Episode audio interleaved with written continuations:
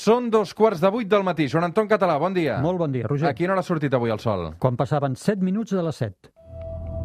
3, 2, 1, seganyem.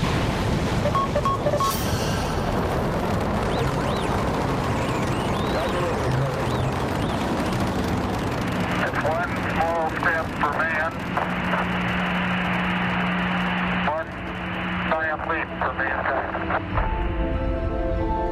Joan Anton Català, com va la vida? Molt bé, Roger. Cada diumenge, a l'hora que surt el sol, la Terra es plana, un espai de ciència, d'astronomia, de química i de tot el que faci falta. Tot bé, Joan Anton? Tot bé, afortunadament sí. Avui dediquem un capítol de la Terra es plana a la supernova més estudiada i més fascinant de la història. Primer de tot, recordem que és una supernova, Joan Anton. Aquesta supernova en concret és la mort, el col·lapse d'una estrella massiva, en el moment en què cau cap dins perquè ja no pot aguantar el seu propi pes. Avui parlem de la supernova 1987A, que es va detectar el 23 de febrer de l'any 1987.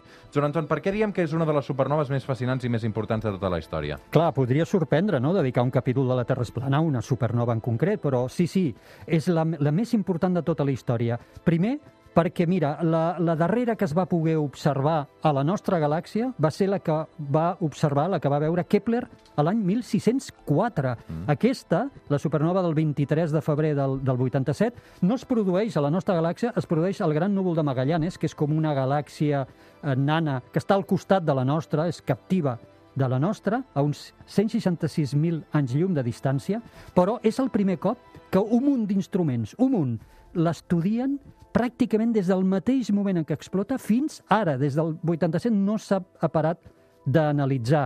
Ens arriba, de fet, la primer, el primer indici, ens arriben els neutrins, després t'ho explicaré, abans que la llum, ens arriben els neutrins que es detecten aquí a la Terra, uns quants dels trilions de neutrins que se'n detecten uns quants, i és el primer avís de que alguna cosa gravíssima ha passat allà a l'espai, i això ja fa que molts telescopis apuntin cap a aquella regió de l'espai i podem seguir tota, tota la història d'aquesta uh, gran supernova. Avui amb el Joan Anton Català la història de la supernova 1987A, detectada el 23 de febrer de l'any 1987.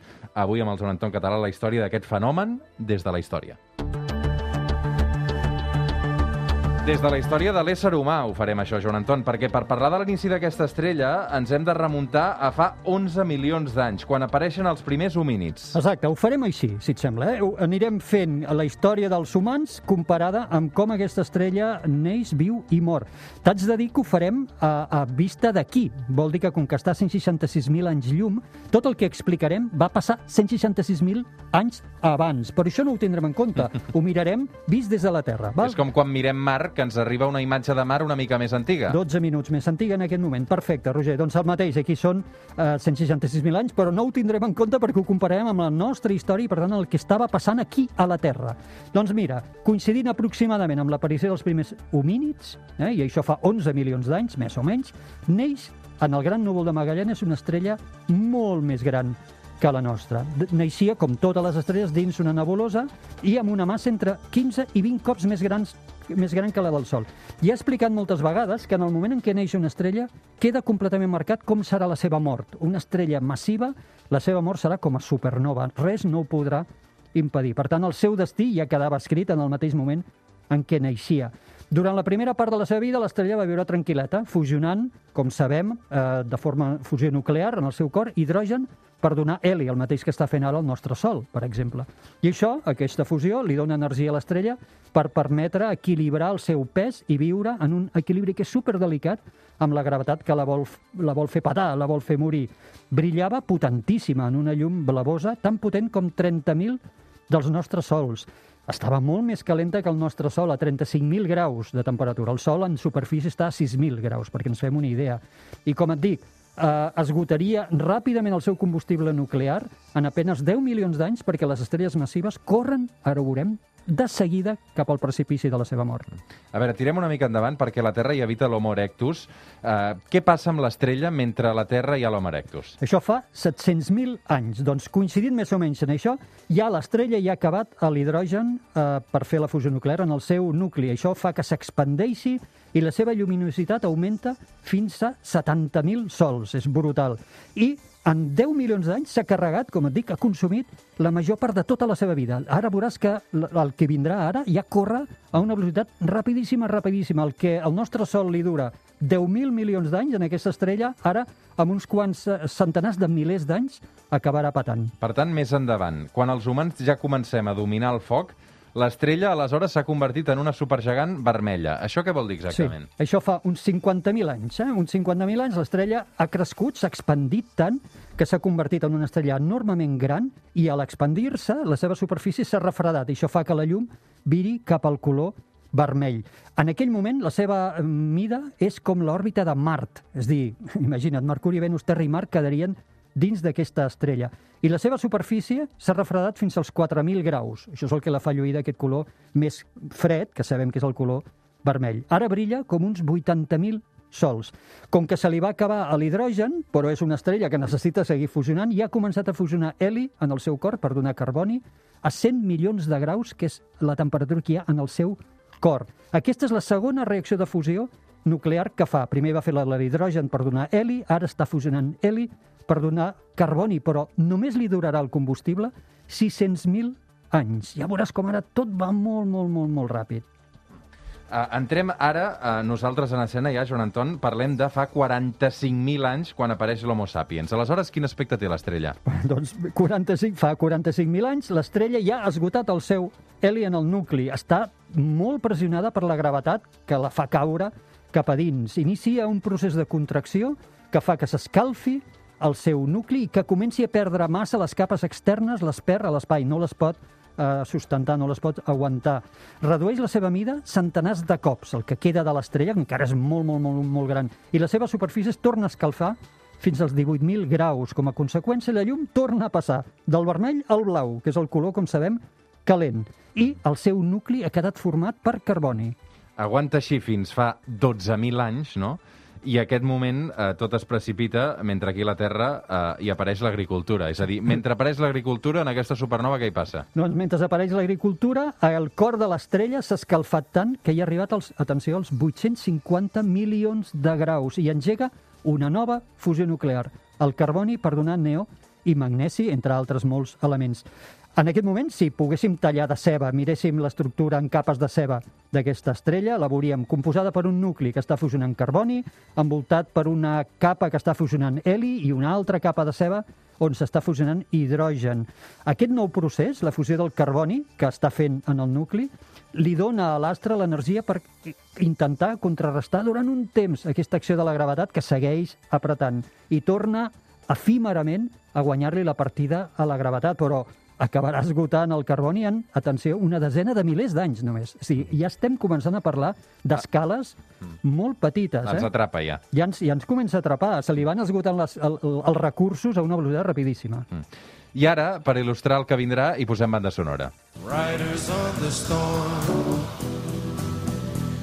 Into this house we're born. 1971, mor Jim Morrison, dels The Doors, i mentrestant, l'estrella què fa? No em diguis que no és fascinant, perquè hem començat amb l'aparició dels homínids, que Ja això hem ens queda... parlant amb la mort de Jim Morrison. Que si, això és ahir, 1971, enormement pressionada, de nou per la gravetat, el nucli d'aquesta estrella arriba als 1.600 milions de graus i s'engega una nova fusió nuclear, que és fusió al nou, per donar oxigen que la permet aguantar, eh, contrarrestar la gravetat, però esgarrapa només, com ara veurem, uns pocs anys, ja ni milers d'anys. Aquí ja són només uns pocs d'anys que intentarà esgarrapar. Jo me l'imagino corrent directament a l'abisme del suïcidi.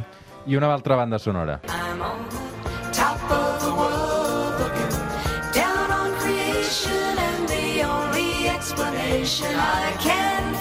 Perquè 12 anys després de la mort de Jim Morrison, 12 anys després del 1971, va arribar al 1983. I aleshores va morir la cantant d'aquesta cançó, que és Karen Carpenter, eh, d'anorèxia, i a l'espai l'estrella s'acostava també a la mort. Sí, sí, quines coses. L'estrella en aquell moment ja ha esgotat les seves reserves de neó, en només 12 anys ho ha fet. 12 anys s'ha carregat totes les reserves de neó.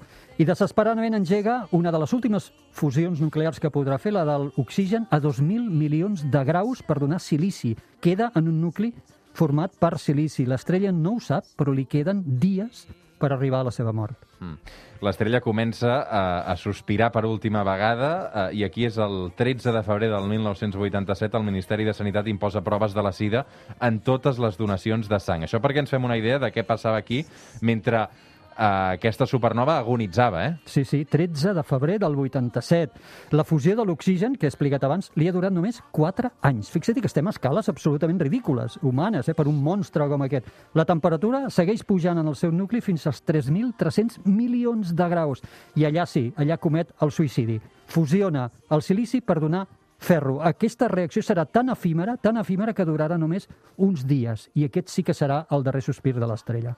I ara arribem al 23 de febrer de l'any 1987, moment en què... 23 de febrer de 1987, l'estrella, la supernova, mor i ara sí es converteix en supernova. Ara és l'explosió de la supernova, l'estrella ja no pot aguantar més, se li ha esgotat el silici, té un cor format per ferro, la gravetat li segueix fent pujar la temperatura i comet suïcidi. Suïcidi en una estrella d'aquestes és intentar fusionar ferro, però tal com hem explicat en la programa alguna ocasió, el ferro, quan es fusiona, ja no genera energia, sinó que en consumeix. L'estrella ja no només pot eh, contrarrestar la gravetat, sinó que és com un edifici que li treuen les pilones, el, li, li fan esplat, explotar la part de baix i l'edifici s'ensorra, col·lapsa. L'estrella cau a velocitats properes a la velocitat de la llum sobre ella mateixa.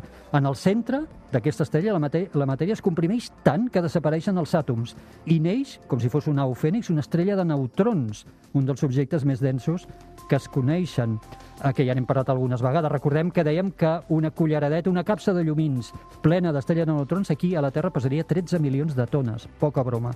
I el que fan les capes de l'estrella, que estan caient cap a dins, xoquen contra aquesta estrella de neutrons, contra aquest cor tan dens, i surten expulsades. Això és l'explosió que veiem de supernova del 23 de febrer del 87. S'assoleixen milions de graus de temperatura i en aquell moment es creen quasi tots els elements químics de la taula periòdica. Mm. Paral·lelament a la Terra, detectem aquesta explosió gràcies a, a uns neutrins que ens arriben, no? A veure, explica'm una mica això perquè no és fàcil. Sí, els neutrins són unes partícules subatòmiques que n'anomenem fantasmes perquè són tan petites, tan petites que aconsegueix travessar tot sense xocar. Ara mateix estan atrevessant la Terra, a tu i a mi, i se'n van cap a l'espai provinents del Sol, i no, no xoquen contra els àtoms, una prova de que la matèria és buida, pràcticament estem buits. Doncs aquests neutrins s'escapen del cataclisme còmic, còsmic de la supernova una mica abans que la llum, s'escapen de tot, ho atravessen tot i arriben a, a quadrilions aquí a la Terra després de recórrer aquests 166.000 anys llum de distància. Tres detectors de neutrins a Japó, als Estats Units i al Caucas detecten, atenció, 25 neutrins. És a dir, dels quadrilions que ens arriben d'aquí, se'n detecten 25 només, perquè és molt complicat detectar neutrins, perquè travessen els nostres detectors, també ho travessen tot. És un fet extraordinari. En aquell moment es disparen totes les alarmes, totes les alarmes, i eh, es dona una estratègia d'observació a tot el món de que apuntin els seus telescopis cap al lloc d'on calculem que prové, el lloc del cel, d'on prové aquesta pluja, entre cometes, de 25 neutrins. Es calcula que aquests 25 neutrins, en origen, podrien equivaldre a 10.000 milions de milions de milions de milions de milions de milions de milions de milions de milions de neutrins. Crec que he dit... Respira, Joan Anton, sí, respira. ho he intentat fer tot seguit, 9 cops de milions, he dit.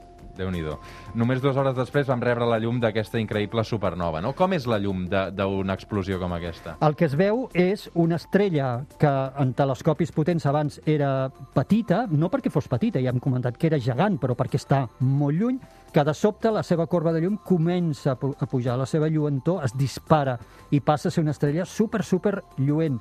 Fixa't que la llum arriba dues hores després que els neutrins. No és perquè els neutrins corrin més que la llum, ei, no, eh? No.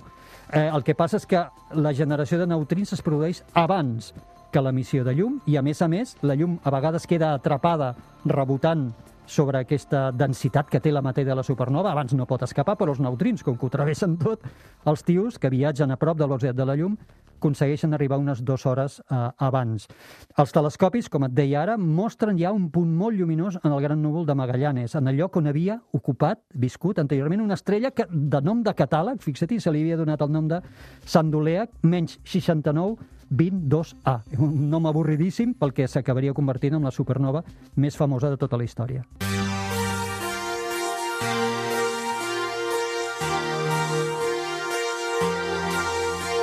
Avui amb el Joan Anton Català la història d'una supernova molt famosa. Encara l'observem, Joan Anton, o no? Sí, aquesta és la gràcia, perquè t'he dit, durant el relat, dit, i a dins es va crear una estrella de neutrons. Doncs mira, l'acabem de detectar. Fa unes setmanes, unes setmanes, s'ha detectat l'estrella de neutrons. Se sospitava que hi era, però encara està envoltada de tot aquest material que està expulsant l'explosió de la supernova, i ara sí, ja l'ha expulsada, s'ha separat tant aquest material que ja hi ha hagut indicis fa unes setmanes de la detecció. 34 anys després de l'explosió hem detectat aquesta estrella de neutrons que es va formar en el seu cor i encara seguim estudiant i aprenent d'aquesta supernova. A tu les supernoves és un fenomen que t'ha interessat sempre o no? Sí, perquè són molt espectaculars, a més ens donen moltíssima informació i eh, permet, això abans, et dic, quan jo era més jovenet, permetia fins i tot que alguns aficionats poguéssim somiar en descobrir algun dia una supernova. Això cada cop és més difícil perquè cada cop hi ha més instruments robotitzats, professionals, que fotografien tot el cel varis cops per nit eh, ininterrompudament. És, avui ja és molt més complicat que un aficionat descobreixi una supernova, però fa 15 anys o 20 anys darrere era bastant, bastant freqüent, i jo recordo haver tingut, i ho explico en un dels meus llibres, la sensació de descobriment d'una supernova quan me'n vaig donar compte que havia fotografiat una supernova en una galàxia i jo no havia rebut cap alarma oficial de que s'hagués detectat abans i per unes hores vaig tenir la sensació de ostres, i ara què haig de fer? Vaig perdre l'Oremus. Vaig perdre tota la teoria de a qui li havia d'enviar, a quin organisme internacional li havia d'enviar aquella notificació. Afortunadament, abans d'enviar-li la notificació, vaig fer els meus deures, vaig mirar, jo no havia rebut cap alarma oficial, però sí, aquella supernova ja s'havia descobert un dia abans. Però, ja et dic, durant uns minuts, uns instants, vaig tenir, suposo, aquella sensació, aquella emoció del que realment descobreix una supernova. Quin any vas néixer tu, Joan Anton? Jo el 61. El 61. Això vol dir que, més o menys, per aquella època teva, eh, la supernova engegava la fusió del neó per donar oxigen. Ostres, estàs, estàs fent els teus deures, He eh? fet els meus deures, jo també. Molt bé. Uh, tu quan et vas eh, sentir cridat pel, pel cel, per l'astronomia, pel que hi passava? De seguida, de seguida. Jo, entre sobre els 9 anys, és la primera record que tenim amb la meva mare, que la meva mare m'ho ha explicat, que jo li, li, li prenia aquells miralls de maquillatge que augmenten la cara per construir-me unes andròmines que, no se, que en diríem telescopis, però no es mereixen aquest nom. De fet, veia millor les estrelles a ull nu que a través d'aquell tub amb aquells miralls i tal, no? Però em va treure de seguida i les pampallugues de les estrelles i el pensar, doncs això, que eren sols, com vaig entendre, que eren sols, que podien tenir planetes, eh, el tema de la vida a fora, no? Ostres, és que ho, ho considero una cosa fascinant. Tu volies ser astronauta també o no? Sí, el que passa que en aquell moment era, sí que realment era un somni realitzable. Avui, molts dels que ens escolten, més jovenets, alguns d'ells podran anar a l'espai, segur, o estaran molt involucrats, si més no, amb l'exploració de l'espai, llavors era una quimera absolutament irrealitzable i vaig abandonar de seguida aquest somni per posar-ne un altre sobre la taula més, més assolible, no? que era vaig aprendre ciència, vaig aprendre química quàntica, vaig aprendre física, vaig aprendre astrofísica i vaig, vaig a formar-me amb el tema científic. Mm. El que passa és que el teu gran somni segurament és fer un viatge eh, galàctic, no? Que me'n vol regalar un? No, no, bueno, no crec que el pugui pagar encara, no? no, no però ja hi ha, ja, ja hi ha hagut Bueno, anuncis. l'Elon- sí, sí. Musk, ha, de fet, a final d'aquest any hi haurà un vol que ja està pagat d'un multibilionari americà, crec que és americà, que portarà tres companys i el portarà en una nau Elon Musk, que li construiran una cúpula a dalt perquè pugui tenir una visió 360 graus de la, de la Terra, el portaran en òrbita de la Terra. Vull dir que això del turisme espacial el, ho tenim aquí. Eh? Tu Ho creus a que ho veurem, tu i jo? Oh, i tant! Però ja et dic que serà aquest any, si, no, si, si Però falla aquest que any... ens serà ho el- puguem pagar? No. Eh, Tu, tu sí que ets molt jove, jo no. Jo, evide- jo Vols dir que hauré, no. hauré de treballar molt, no, per A- això? Això és una altra cosa, sí. Sí. Però vull dir que, clar, deuen ser, deuen ser sous que no... Són uns quants milions, de, de desenes de milions Per fer un viatge, eh? Sí. Un viatge fer- que quan dura? Eh, no ho sé, seran unes quantes òrbites de la Terra. Puc compte que millor seran unes hores, eh? igual seran 5, 6 hores, no ho sé, en aquest cas I, concret. I en aquest que s'està organitzant, quanta gent hi viatja? Crec que són quatre, que eh, t'ho estic dient de memòria, eh? que són el multibilionari més tres companys que ha seleccionat ell. Eh, Qui els- pilota? Qui pilota? No, tot, tot automàtic, tot automàtic, i els hi paga ell. Els hi paga ell. Per tant, ja veus, eh, quin amic... Jo crec que potser serà més fàcil fer-te amic d'Elon Musk, segurament, Ah, sí. abans que... Però l'Elon Musk recorda que és un tio de negocis, eh? Sí. Ell cobra per fer això. És dir, jo no sé si aquí la, el truc és fer-se amic de l'Elon Musk o d'algun multimilionari que vulgui pagar el bitllet, perquè l'Elon Musk no el regalarà, eh, el bitllet. Joan Anton Català, per acabar, què hi passarà aquesta setmana al cel, va? Eh, Júpiter i Saturn cada dia més amunt sobre l'horitzó est abans de la sortida de Sol i al vespre seguim encara tenint aquest triangle tan xulo de color ataronjat, Mart, Aldebaran i Betelgeuse, que són dues estrelles molt brillants, per sobre d'una lluna creixent que se situarà, com et dic, per sobre d'aquest triangle. No ens ho perdrem. Joan Anton Català, un plaer, com sempre. Cuida't. Gràcies, igualment. Fem una petita pausa i de seguida tornem al suplement. Fins ara.